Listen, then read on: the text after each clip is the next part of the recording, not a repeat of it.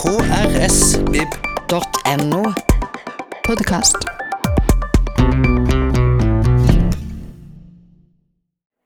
Ja, hei. Da var vi på plass igjen. Nå, det er jo en, nærmest en konkurranse om hvem som holder ut lengst. Jeg ser noen på første rad som jeg har god tro på.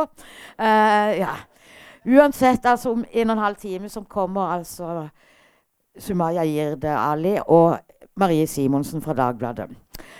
Nå får vi også et flott besøk. Eh, Lars Saabye Christensen er en av Norges mest skatta forfattere, kan vi si. En av de mest leste og populære. I fjor så kom han altså med første bind av en ny romanserie, 'Byens spor'. I høst kom, kom bind nummer to eh, av den, 'Byens spor', mai. Jeg bare sier at det er bøker der ute, og det er signering etterpå. Ta det med en gang. Nå er han her for å snakke om den siste boka. Ta godt imot Lars Saabye Christensen og Fredrik Vandrup.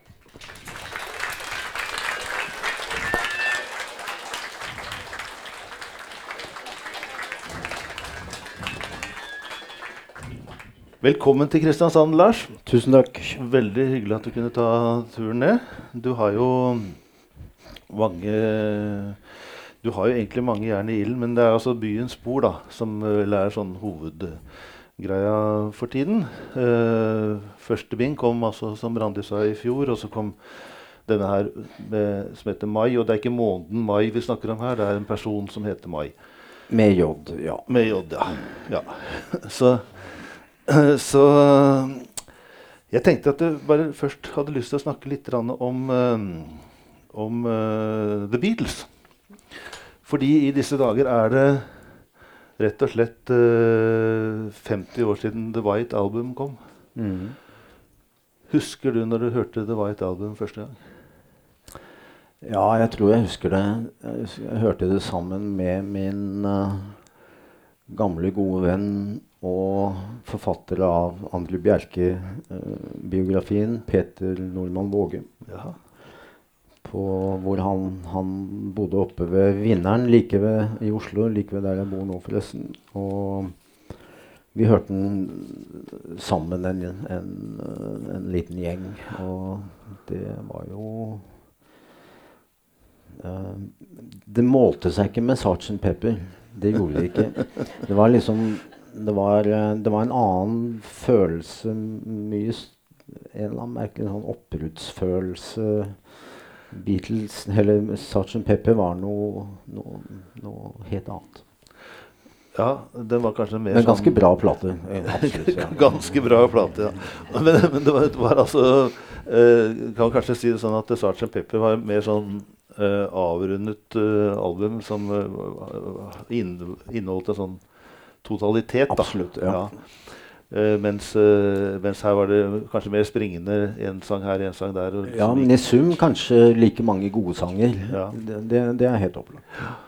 Men satt dere da og, og liksom uh, og snakket om hver låt, og var dette noe bra, og hvem sang her, og hvem Ja, kanskje ikke så mye da, men, men jeg husker med, med, med Sgt. Pepper, hvor det var så mye altså, jeg husker jeg ringte til kameraten min og vi skulle høre den sammen. Det var ikke sånn at vi skulle høre den først. Vi skulle se den først. Mm. Altså Bruke lang tid på å se platen, ta all informasjon inn, se litt på tekstene og alt som, all informasjon som var der, rett og slett. Mm. Det var en del av opplevelsen. Og det var egentlig en ganske fin opplevelse å knytte uh, det man hørte, til noe konkret. Altså hvor er den innspilt, hvem er tekniker med meg, produsent, alt dette her. Mm. Også det å sitte og holde albumet absolutt. i hånda. Ja, Vinyl. Ja, det var noe. Ja. Det er derfor jeg skriver alle disse bøkene her. så, så selv, om, selv, om, det coveret var helt kritthvitt, Mm. Så, så, kunne man sitte og se på det ganske lenge. Absolutt. absolutt. Da sto det Beatles sånn, litt sånn uthevet uh, skrift. Sånn, sånn, sånn, som bakpå her. Kan kjenne, kjenne, at det står Lars er blindeskrift. Mm. Hvis du, for det er ut, Hva heter det for noe? Utmeislet, eller hva søren. Ja. I hvert fall det, er, det var sånn på Beatles-plata, og det var det eneste. liksom sånn, Og så kanskje et lite nummer. Ja. Ja, det, det, og, og på Sgt. Pepper der synger jo synger jo um, Ringo Starr den klassiske 'With a Little Help From Our Friends'. Og, og, og, du skrev Beatles, og det er historie, og alle har lest den. Og, og den er, kom to bøker til om de samme gutta. Og, så tenkte man kanskje at nå var Lars ferdig med The Beatles. Men så kom det plutselig en bok her tidligere i år som kanskje ikke dere har vært oppmerksom på, men uh, som heter 'En blues for Jimmy Nicol'. Ja. Og, og, den er full av fotografier og dikt. Fortell litt om bakgrunnen for den. Ja, Det, det, det, det var min, min, venn Tom Stalsberg, som også han, som jobbet i, jobber i Dag, Dagbladet. Han ryddet i noen gamle arkiver, fotoarkiver, og der fant han en, en pose med, med, fotografier som ikke var publisert. De var ikke kopiert engang. Det var negativer. Og det var den legendariske Dagbladet-fotografen, reportasjefotografen Johan Brun, som lever fremdeles og snart er 100 år. Han var i København og tok bilder av Beatles da de holdt konsert der i 1964, juni men det som var spesielt, det var at Ringo måtte ta mandlene dagen før. Og de fikk inn en vikar som het Jimmy Nickel. Mm. Så det, denne lille Disse fotoene som aldri er vist før, eller ja, publisert før, og boken, diktet, langdiktet, handler om Jimmy Nickel som i 13 dager på denne verdensturneen vikarierte for Ringo Starr og reiste hjem igjen fra den siste konserten i Australia 13.6.1964. Mm. Og det, det, det er jo en figur som på en eller annen måte går inn i, i, som, i, i blant karakterene eller i rollebesetningen i, i, mitt forfatterskap. Denne kanskje et av de mest midlertidige menneskene jeg, jeg noen gang har lest om. Midlertidige mennesker er bra. Ja. Han var verdensberømt i 13 dager. Og, og, spilte da i verdens klodens, universets største band, 1964. Og etterpå er det noen som har hørt om Jimmy Nickel? Nei. Han prøvde seg Han fikk til slutt jobb i et svensk band. Så flyttet han til Mexico. Så ble han entreprenør. Så gikk han konkurs. Så ble han skilt. Mistet kontakt med familien sin og flyttet hjem til mor. Og bodde i kjelleren til mor. Og sånn i et intervju da han begynte å bli langt ut på 90-tallet, så spurte, de, spurte journalisten ja, hvordan var det å få denne jobben som trommeslager i Beatles, sa han. Det var det verste som noensinne kunne hendt meg. uh, og, men så er det en, en, en, det er en sånn tragisk dimensjon ved det. Men så er det en sånn heltemodig uh, nivå ved det også. Det er at han, uansett hvor lut fattig han var, så solgte han aldri historien sin. Altså han, han kunne gitt intervjuer og reist på talkshow rundt i hele verden i mange mm. år og snakket og mm. kommet med private avsløring fra Red Light District i Amsterdam, hvor de spilte og alt mulig. Ikke et pip. Mm. Han holdt tyst. Det, det krever sin mann, og det er bra. Det står litt respekt av det. Ja, da, så han fortjente ja. en liten samling. Mm. Ja, nettopp. nettopp da trigget det deg når du hørte denne storyen, og så, og så ja. kom de, disse dikt, diktene. Da. Det er jo, du sier det er en langdikt, men det er jo uh, delt opp i enkeltdikt. Ja da, men det, er en slags syklus som uh, utelukkende er en hyllest til alle vikarer og hjelperyttere og alt det vi trenger for å få, få det til å gå rundt, ja, rett og slett. Ja. Mm. ja.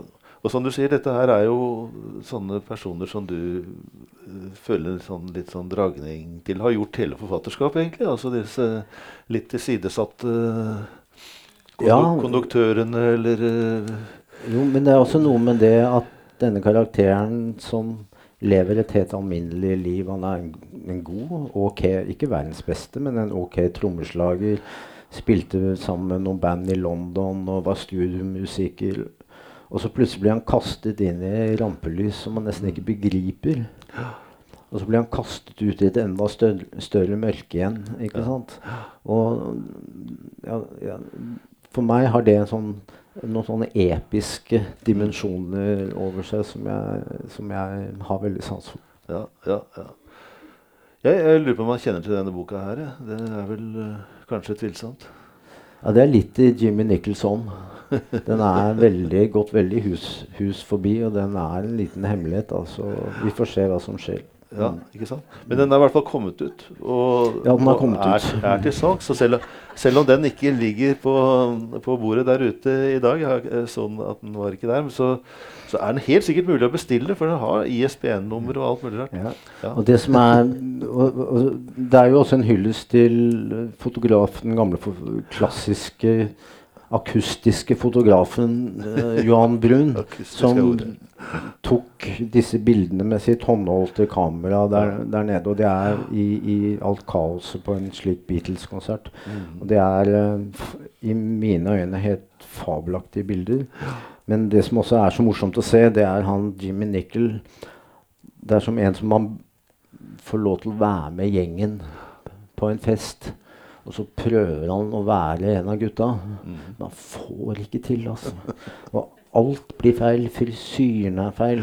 Mens de andre har sånne stilige, sorte jakker på seg, så har han en sånn slags han vil prøve enda litt bedre. En hvit jakke. Det blir bare helt feil. Og Feil sveis. ja, det er sånn La oss si det er en selvhjelpsbok for vikarer. Ja, det er bra. Mm. Eh, og Johan Brun han eh, kjenner dere helt sikkert alle sammen, fordi han er fotografen som da tok bilde av Hjallis med blits ja. på 10 000 meter under OL i Oslo i 1952. Og som, eh, så Hjallis måtte få eh, falt og måtte Mm. gå om igjen. Og det gjorde han med en gang, og han vant selvfølgelig. Og han er også en av de pressefotografene da, som har vært til stede Ja. ved store historiske begivenheter og rett og slett gitt oss de bildene. Ja. Uten å gjøre for mye vesen ut av det. En beskjeden mann. Det var uh, Jimmy Nickel. Og du, du utgir jo i ly av disse store romanene som blir uh, for eh, svære oppslag i avisene, så utgir du jo hele tiden diktsamlinger. Mm. Uh, I fjor kom denne her, eksempel, De nye reglene. Det er ikke mye vi hører om den, men vi hører mye om byens spor og sånne ting. Er, er, dette, er dette med dikt et sånt uh, sidebruk? Som det, Nei, det er det, det, er det ikke. Det, er, det går samtidig med, med alt det andre jeg gjør. Og, men jeg har funnet ut etter hvert at, altså, at diktene i dag eh, hører mer og mer hjemme i opplesningssammenhengene, Mhm. i en musikalsk sammenheng. Og i dag når jeg skriver poesi, eller mange ganger nærmer meg sanglyrikken, Mhm. eh, som vi hørte om eh, i forbindelse med Bjørneboe f.eks. Og, eh, og noe som også er veldig interessant i biografien om, om André Bjerke, det er jo at André Bjerke var veldig begeistret for Sgt. Pepper og tekstene til Lennon McCartney. Mm. Um, og fant på en måte sin allierte der i den Mm. modernistiske poesien Mm. som på en måte skjøv han, han ut. Men når jeg skriver i dag, så, så, så er det veldig ofte tenkt for en opplesningssammenheng, Ja. eller i en musikalsk sammenheng, eller direkte til musikere som, som tonesetter det, og vokalister som, som synger det. Og det, det trives jeg veldig godt med. Ja, ikke sant? Du har jo også øh, skrevet tekstene på en plate som Kjetil Bjørnstad utga, med sånne hotelltekster. Ja, hvor Anneli Drecker synger. Og, Anneli Drecker synger, og det er noe av det morsomste jeg har vært med på. Og det er et sånt prosjekt Ketil Bjørnstad jeg har jobbet med i 15 år eh, minst. Hvor jeg har skrevet tekster fra forskjellige hotellrom rundt omkring jeg har bodd på. Så ansatt melodi til, og så fant vi ut at uh, Anneli Drecker skulle synge det, og hun er en fantastisk vokalist. Ja. Hvor her i byen.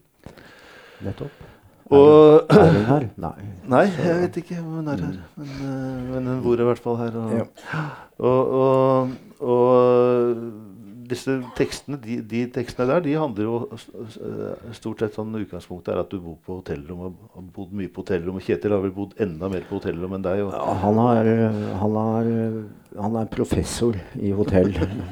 Jeg er ennå bare en bachelorstudent. Ja. Men, øh, men alle, alle som driver i enten ja, i disse yrkene som ja, Anneli Drecker har jo også bodd masse på hotell, Ja. og mye mer enn det jeg har gjort. Men, men hotellene er en, sånn et, et, en egen, egen verden, og særlig hvis man drar et sted og både skal arbeide og, og, og ja, arbeide der, rett og slett. Det er, Ja. ferie, det er ikke ferie, det er arbeid. men gjør du det? Drar du på hotell for å arbeide? Nei, men jeg, jeg reiser mye rundt og skal lansere bøker, og, Ja. og, og da må jeg Da har jeg alltid med meg verktøyet mitt, så jeg kan skrive på rommet. Mm. Ja, nettopp. Ellers, det er fint. Men det å bo på hotell, uh, hva er det som er fascinerende med det? Som gjør at du Nei, jeg syns det er fascinerende i tre døgn, og så begynner jeg å bli deprimert fjerde døgnet, og Ja. femte reiser jeg hjem. Eh, Men, men det er noe med, med all, altså det nøytrale ved et hotellrom også. At man kommer inn et sted som man måte kan gjøre, gjøre til sitt eget. Samtidig vet man at det har bodd mennesker der før, drømt der, kanskje forbrytelser har begått der. Altså det, er, det er eh, masse historie. Og så er det noe med, med, med hotellet som et unntaks, unntakstilstand, rett og slett. Jeg liker det. Men i begrenset omfang. Bjørnstad skriver i forordet til eller i liner notesen her at det, for han har det alltid vært viktig å med en gang du kommer inn på et hotell, gjøre det til sitt. Altså Mm. pakke ut og, og legge ting på plass, og sånn at, at det blir et slags hjem. da. Et slags Ja. hjem. Ja, ja samme her. Ja. Jeg har med termos. og den setter jeg på nattbordet, og da er jeg hjemme. Mhm. det er bra. Så er det altså da øh, nesten øh, utrolig hvor produktiv du er når det gjelder disse svære romanene. Det, ikke før har du utgitt én, så kommer det en ny. Og nå kommer det altså eh, en øh, trilogi Mm. som du har skrevet ferdig før den første boken blir utgitt. Ja. Mer eller mindre. Ja. Det er, jo, det, det er jo mange som vil betrakte det som være imponerende, for det er tjukke bøker, dette her. Og øh, jobber du veldig disiplinert? Ja, jeg jobber disiplinert. Det gjør jeg. Uh, ikke så mye av gangen, men ofte. Uh, men jeg skrev alle tre bindene i én Altså én arbeidsepoke, da. Mm. Uh, og de kunne like gjerne blitt utgitt som en svær, tjukk roman. Men jeg var egentlig lei av å gi ut tjukke romaner, så var det godt å tenke seg at de kunne komme ut eh, hver, ja. hver for seg. Og tanken, når jeg, den tanken også dukket opp i meg Ok, jeg arbeider egentlig med tre romaner som, mm. så, som henger sammen, nøye sammen. Så, så, så, så gjorde det også noe med fortellingene, selvfølgelig. Og dramaturgien og avslutningen og avrundingen og hva som peker fremover og, og den slags. Så jeg, jeg ble liksom seriebokforfatter i hodet en stund. Mm. Det må jeg riste av meg. Mm. Ja. For du har jo utgitt trilogier før. i hvert fall. Ja, men da har det gått masse år, da har det gått masse år Ja. i, imellom. Så det var helt, helt annerledes. Og, og, og som forfatter så opplever jeg noe som er veldig øh, egentlig, egentlig fint, jeg vil si det. Det er veldig fint. Det er veldig mange pluss at man skaper I og med at de vet at det kommer en roman til, så skaper man noen slags forventninger om noe som ennå ikke er der. Og, og det er en av, altså Derfor er jeg veldig glad for at alle bøkene ble skrevet før den første kom ut. Mm. For ellers hadde jeg kommet hjem hver dag med nye forslag fra leserne. Hvordan går det med Jeg håper det går bra med Mai. Jeg, og sønnen hans, kan du, ikke, kan du ikke prøve å få ham inn der? Og den slags. Og, så jeg kan bare si at jeg er dessverre ikke åpen for forhandlinger. Det er, av, saken er avgjort. Og så gå hjem i ro, ro og fred. Men, men, men det er veldig interessant å møte lesere som som på en eller annen måte har, har, ja, har skapt en videre historie om de karakterene man på en eller annen måte har skjøvet, uh, skjøvet i gang.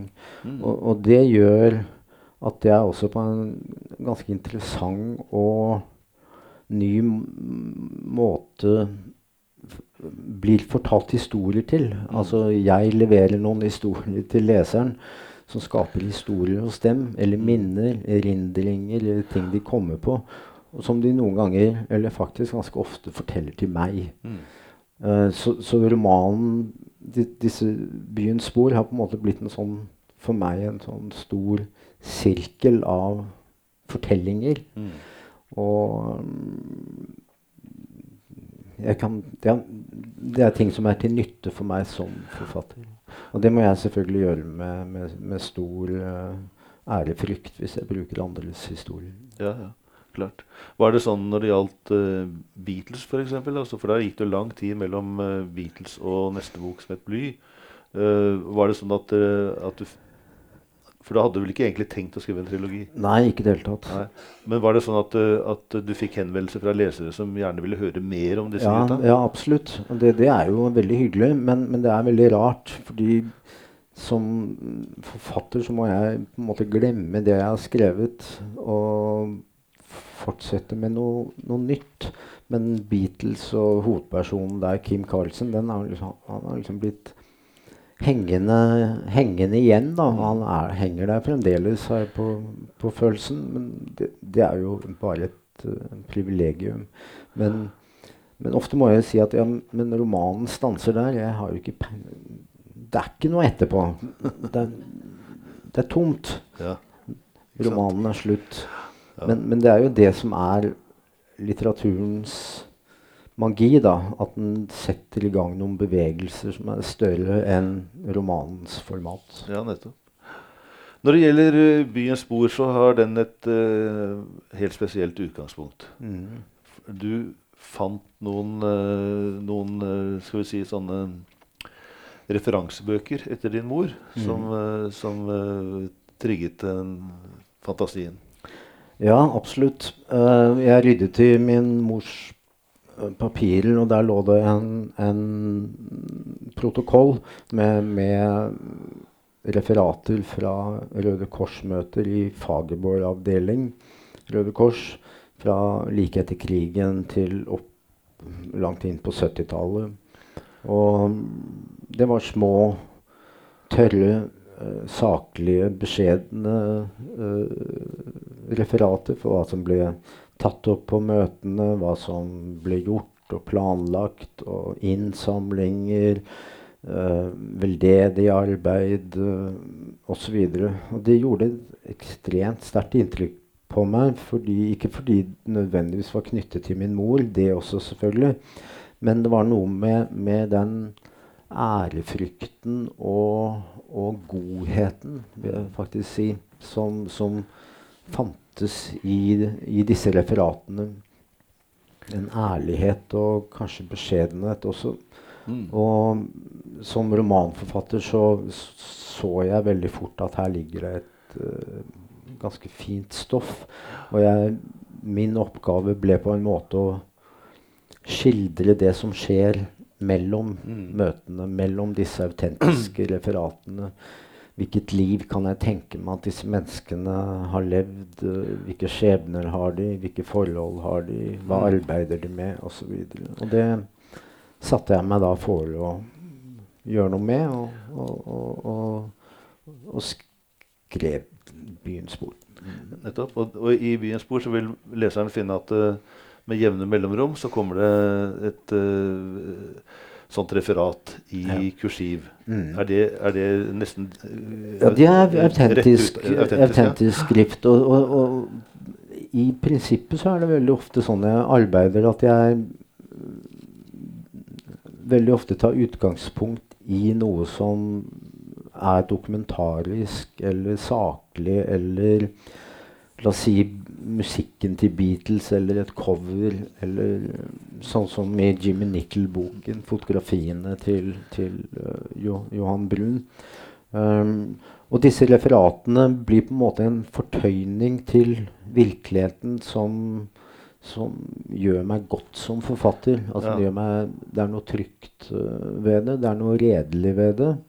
Um, og så er det mitt ansvar å, å behandle dette på den måten jeg syns er, er riktig.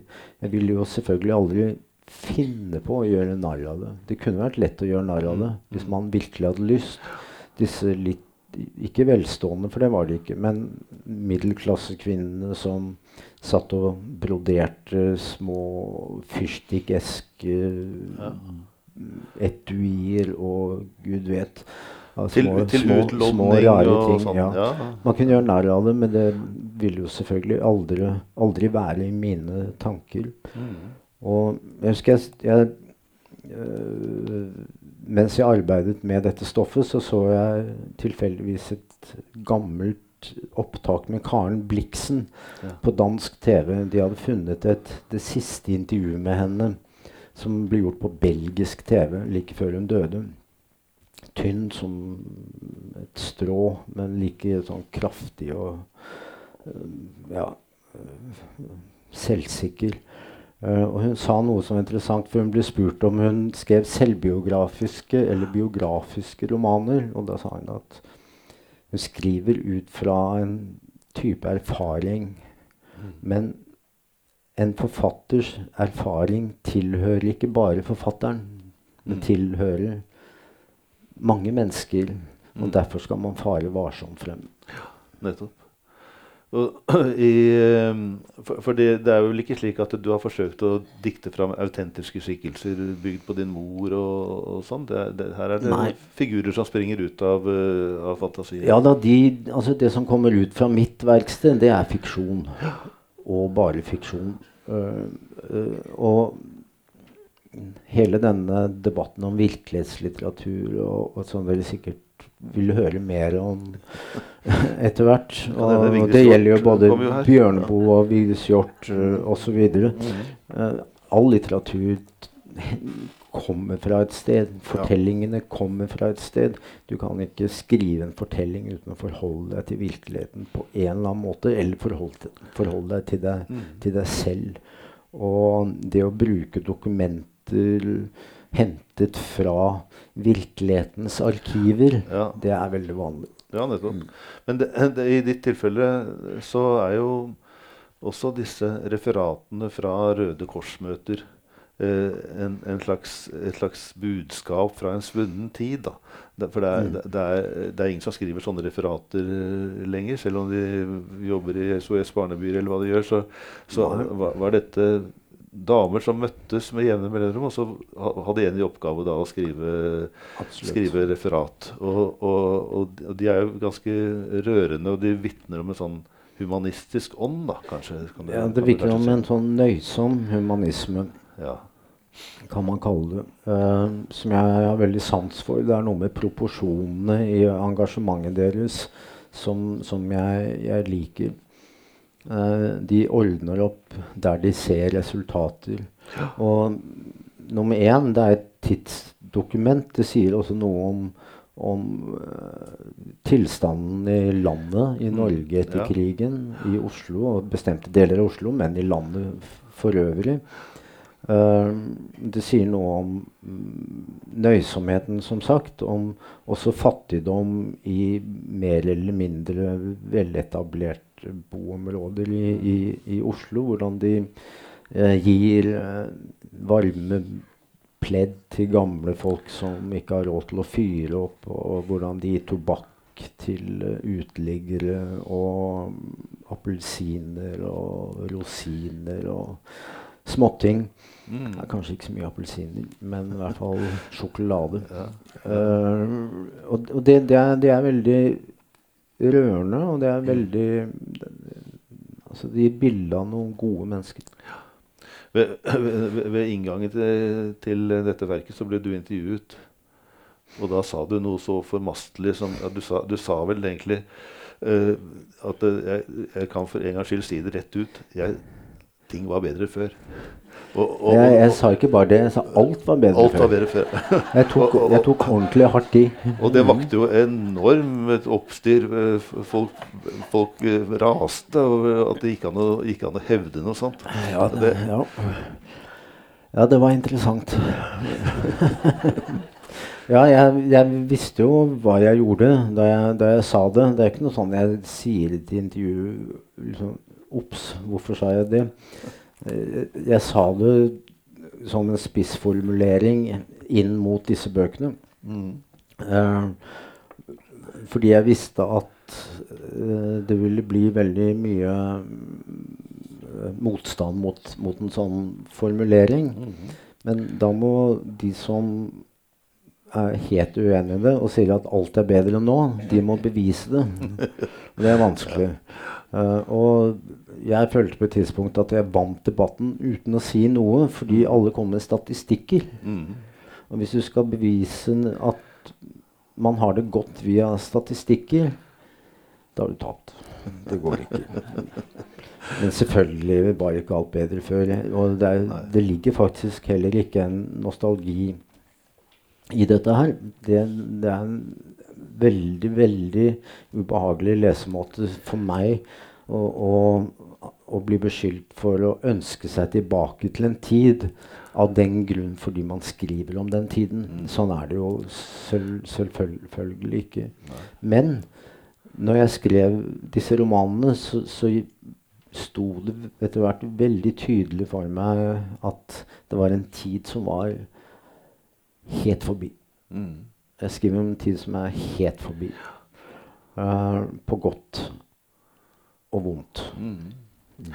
Um, disse disse eh, Røde Kors-referatene danner jo på en måte en slags sånn rytmikk i boka. Mm. Det de, de er, de, det er nesten som en sånn øh, Du snakket om musikk i stad. Og musikk og, og, og, og tekst og språk. Og det de er nesten som en rytme i, i, i boka som, som kapitlene springer ut av som en slags improvisasjoner da, Mm. over, uh, over temaer. Mens, mens du har hele tiden den derre øh, disse Røde Kors-møtene i bånn som en Mm. sånn uh, rytme. Er, er, er det noe som gir gjenklang hos deg? Ja, absolutt. Um, alt, altså, jeg har vært opptatt av musikk eh, he, hele mitt voksne liv. Eh, og musikk har betydd veldig mye for skrivingen min. Jeg har lært mye av musikk i skriving. Sk altså, musikken har lært meg mye om skriving. Eh, komposisjon, rytme, klanger osv. Altså, jeg, jeg er ofte like mye inspirert av musikk, og da tenker jeg på håndverket som jeg blir av å lese andre, andres bøker. Og det har noe med noen tematikker man kan gripe tilbake til, refrenger som forandrer seg i og med at sammenhengen forandrer seg. Men, men særlig rytmen i en setning, men også rytmen i en komposisjon som er hele, hele romanen. Og det, det, det, det arbeider jeg mye, mye med, selvfølgelig. Det skulle bare mangle. Mm. Og det er veldig mye dialog uh, som, Mm. i, i boka som, uh, som uh, også på en måte inneholder et vokabular til dels som, som er hentet fra, fra den tida, da du egentlig bare var veldig liten. da. Altså fordi de, de to, Disse to første bøkene foregår jo mellom 1947 omtrent, kanskje, til 1957. Ja, Til, til kong Haakon dør. Ja, da var jeg fire år gammel, og da hadde jeg allerede skrevet min første diktsamling. og arbeidet, begynte å arbeide med mine store dramatiske arbeider. Nei da. jeg er opptatt av språk, og det skulle også bare mangle. Og jeg er opptatt av ord som faller ut av språket, talemåter som blir glemt, eller som på en eller annen måte er prøvd en stund, men så ikke får feste i språket. Og mye av disse ordene bruker jeg i, i, i, eh, i denne, denne romanen. Og, og slang eh, er jo veldig, veldig ofte knyttet til musikk Mm. og musikkmiljøer. Og en sentral skikkelse i romanen er jo eh, pianolæreren til den unge Jesper Christoffersen, som Mhm. Enzo Sanetti, som er en italiensk pianolærer på Oslo vestkant. Veldig flott navn, da. Enzo Sanetti. Ja, jeg synes det. Pianist. Ja.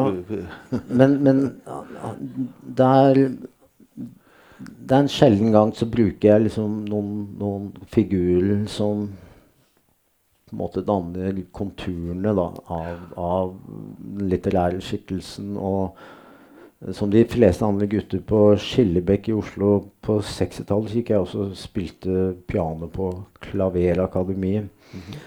Og der hadde jeg en italiensk uh, spillelærer. Og han var gud hjelpe meg taffelmusiker nede på Bristol Bar i, i helgen. Mm. Og jeg hadde et år husker jeg hadde time på mandagene. Da hadde han spilt på Bristol, Hotell Bristol hele helgen. Han var sliten. Og jeg husker veldig ofte så sto han, så sto han med ryggen til, og så hadde han et lite glass i hånden, og så så jeg bare nakken som gikk bakover. Det lille rykket? så-. Ja, det lille rykket. Og så sa han på litt uh, gebrokkende norsken sin at ja, jeg bare reparerer, Lars. og jeg kunne ikke fatte og begripe hva det var som hadde gått i stykker. hvorfor, må du, hvorfor må han reparere hver eneste mandag? Hva er det han holder på med? Men jeg skjønte etter hvert. Ja. Etter hvert. Og han Enzo er jo også da hyggepionist da på, på bar eller på restaurant. Eller På restaurant, ja. ja. Det er, det er noe med de De er også på en måte litt i slekt med, den, med Jimmy Nickel-skikkelsen. Disse som sitter i bakgrunnen og danner en, en slags klang i rommet som man ikke følger med i. Mm. Og som man på en måte kanskje ikke er oppmerksom på engang. Men av og til så retter folk seg opp Mm. og vender blikket mot uh, hyggepianisten som sitter der. Kanskje noen til og med har en, uh, et ønske om en spesiell melodi. Mm. Så jeg har noe sans for den eh, dramaturgien og, og eh, tilstanden til en hyggepianist. Ja, er, eh, det er- jeg, jeg vet ikke, jeg kjenner meg igjen i det. Du har skrevet en hel roman om en sånn figur? Uh, Ju, Ja, ju, visst. jubel, er det ikke det? Ja. Uh, den er mer uh, tragikomisk karakter. Mm. Men det er, det er disse midlertidige menneskene som du snakket om i stad. At eh, de er livets bifigurer som uh, Ja. opptrer litt i bakgrunnen. Ja, eh, jeg har på en måte vært hyggepoet en gang. Og da det var når Beatles hadde kommet ut, så bodde jeg på Sortland i, Vest, i Vesterålen. Der var det et legendarisk eh, danseband som het The Outlaws. Og de spurte om jeg ville være med på turné, dansebandturné og lese opp fra romanen Beatles. Jeg kan den dag i dag ikke fatte og begripe at de spurte meg. Men det gjorde jeg, og vi kjørte utover nedover Vesterålen og ut, ut til hele Lofoten. Og de spilte tre kvarter, og alle danset på gulvet. Og så sa de nå kommer det en mann og skal lese fra en roman.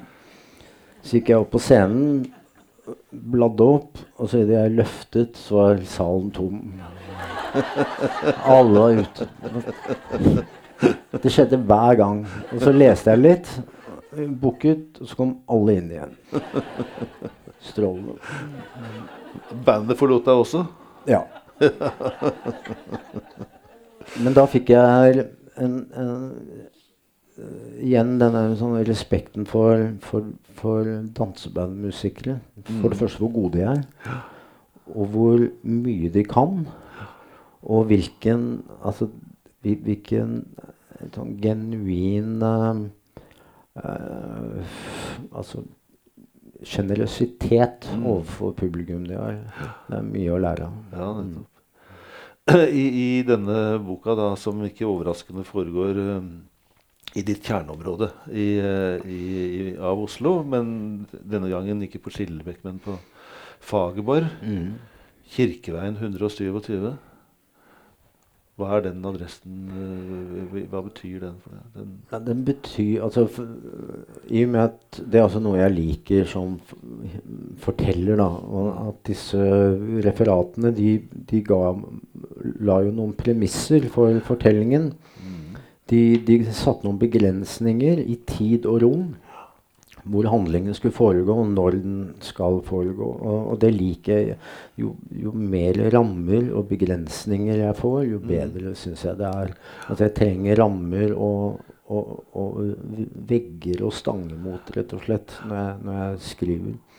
Eh, men selve den bygningsmassen som, jeg, jeg, som er i sentrum av fortellingen, det, det var der moren min vokste opp i Oslo, og besteforeldrene mine bodde da, og jeg var der ofte som, som barn og besøkte dem og har et veldig nært, nært forhold akkurat på den måten til det strøket. Så det er ikke der jeg vokste opp, men jeg har en sånn både sånn litt avstand, men også den nødvendige nærheten, syns jeg, da, til, til søket. Uten at det blir privat, håper jeg. Men du, du, du fortsetter jo på en måte å kartlegge byen. da. Det, er- det er noen passasjer i, i boka hvor, det er, hvor du liksom skriver om byen, og hvordan den ser ut, og, og hva som foregår der, og hva slags mennesker som bor der, osv. Siden du var altså da enda ikke født da mye av dette foregår, så, så driver du kanskje litt research òg på dette? Ja, jeg driver research etterpå. Jeg skriver først, og så ser jeg om jeg har gjort noe feil. uh, men altså jeg, Jo, selvfølgelig driver jeg research, men, men jeg også jeg, jeg tror en, en, en av de viktige tingene for en forfatter det er jo være oppmerksom og lytte til folk, høre andres historie. Være på en eller annen måte ta en sånn antenne som tar inn forskjellige, forskjellige ting. Og det, det tror jeg et, jeg etter hvert er blitt uh, ganske god på. Og uh, som jeg sa også, at uh, det å skrive disse bøkene har også skaffet meg så enormt mye mer stoff. ikke Ja. sant? Og, og kanskje jeg dytter masse rart inn i siste bindet som allerede er ferdig, men det er, det er alltid plass til, plass til noe mer.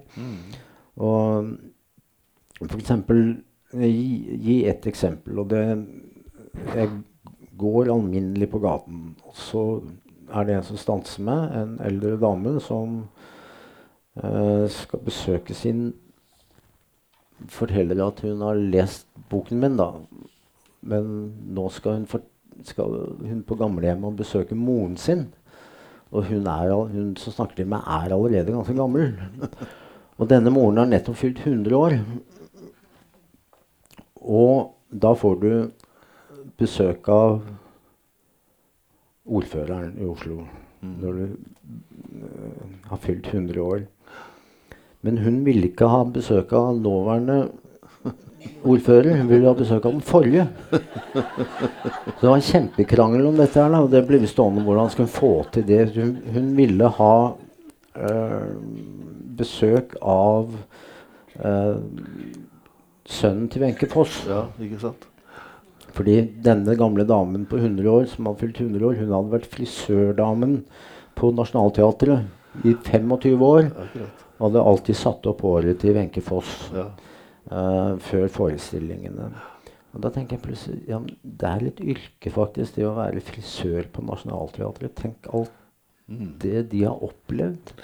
Og på en eller annen måte er det litt i nærheten av romanen min også. Det er, sånn, det er liksom litt Bare litt utenfor fiksjonens kant så finnes disse menneskene. Og det, det, det fas fascinerer meg.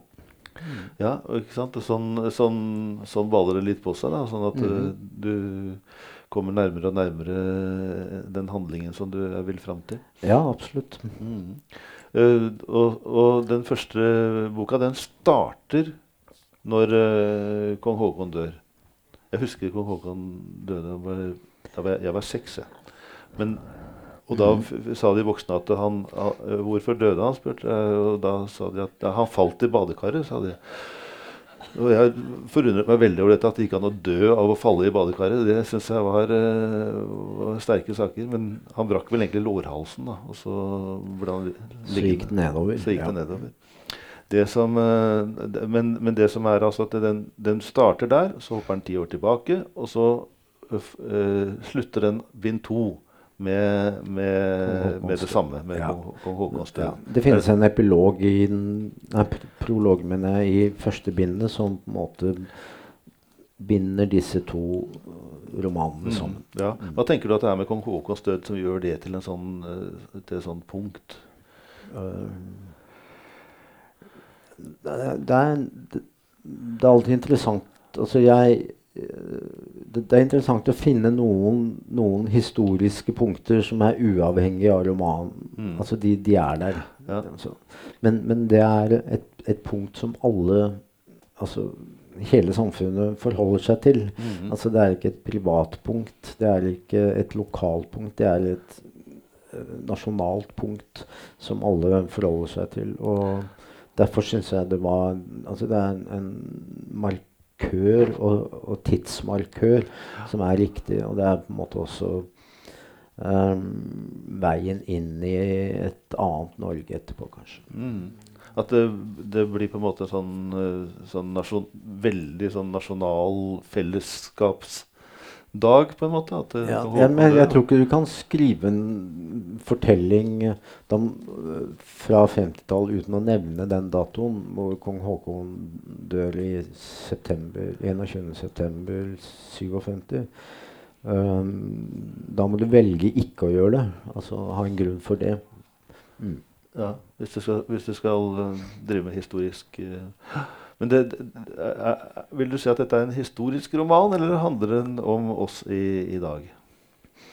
Nei, altså den Det er jo Hvis den ikke handler Altså gjenkjennelse er, er en helt sånn vesentlig del av en litterær opplevelse. Og det håper jeg jo selvfølgelig fin, finnes. Uh, uavhengig av når en roman og hvor romanen foregår. Um, det er jo karakterene som, som som skal tre fram i, i, i lyset, ikke de historiske begivenhetene. Um, og Derfor er det noen ganger interessant å, å, når, når de samme bøkene kommer ut i, i, i andre land De kommer ut i Danmark og nå England og Polen. Og, Samtidig man- som i Norge? ja, Nei, nå. Ja. Like etterpå. Mm. Og, og der leser man på, med en annen slags uh, vekt, rett og slett. Mm. Man, man I deres lesning så kommer nok karakterene tydeligere fram, fordi de er ikke så forstyrret av gjenkjennelsen i hele bakgrunnsteppet eller tiden og miljøet. Så Mm. der er, det er på en måte testen på om, om karakterene står på egne bein. Mm. Ja, jeg kan jo bare avslutte med å anbefale folk disse bøkene. For det er jo utrolig gode historier som blir fortalt, som alltid hos deg. Og, og akkurat eh, nå er jeg fryktelig spent på hva som skjer i tredje bind, for nå er på en måte veldig mye dramatikk unnagjort. Eh, men så starter nye liv for, uh, for de fleste personene på et vis, da. Ja, altså det det, jeg, det er helt nødvendig for meg at, om, å, å gjøre noe som er annerledes. Eller jeg har gjort det allerede. Altså, jeg, har, ja, jeg har gjort det allerede, men tredje minne blir jo selvfølgelig, uten at jeg skal snakke om det her og nå, selvfølgelig annerledes, helt annerledes. Men fremdeles helt lojal mot den fortellingen jeg har, har, har begynt å fortelle uh, i de to første, første bindene. Og det Um, det er ekstremt viktig for meg å, å være lojal mot den fortellingen og mot uh, karakterene. Mm. Så får man se den måten jeg gjør det på. Mm. Hovedkarakteren her, vi skal, skal, snak- han som heter Jesper, som jo er pianisten, og han Mhm. som uh, lærer å spille av, av eh, og, og som ja, ja, Vi skal ikke gå for mye inn på, for det er så mye spennende ting som skjer. Skal ikke mm. røpe for mye. Men, men han er i hvert fall nå i ferd med å, å gjøre det som han holdt på med i begynnelsen av første bok, og godt dra til sjøs. Mm. Og der tenker jeg Har Lars vært til sjøs? Har han eh, peiling på dette? Nei, men jeg kan, jeg kan fremdeles dikte. Det er, det er bra. Det er Vi bra. får, se, vi får se hvor langt vi, vi jeg, jeg, jeg følger ham. Men, men både Jesper og den andre jevnaldrende kameraten hans, slaktesønnen Ja. Jostein, Jostein. de er jo helt sentrale. Og de, de er to guttekarakterer, og etter hvert menn, da, som, som uh, uh, er helt forskjellige fra hverandre, men, men samtidig så deler de noe, og det er ambisjoner. Altså, begge har ambisjoner i livet. Og se hvem av dem som er mest lev levedyktig. Men uh, jeg, jeg hygger meg med begge to. Mm. Det er godt. Og vi hygger oss når du kommer hit. Ja, takk, takk. Og, og tusen takk for at du kom til, eh, til Bjørneboe-dagene. Det var veldig flott. Og tusen takk til publikum som uh, sitter her fulltallig og følger med som bare det. Tusen takk. Ja.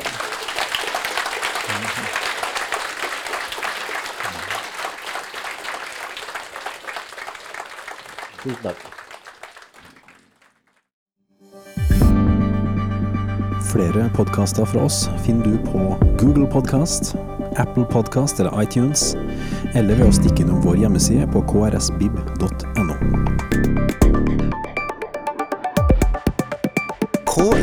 krsbib.no. Podkast.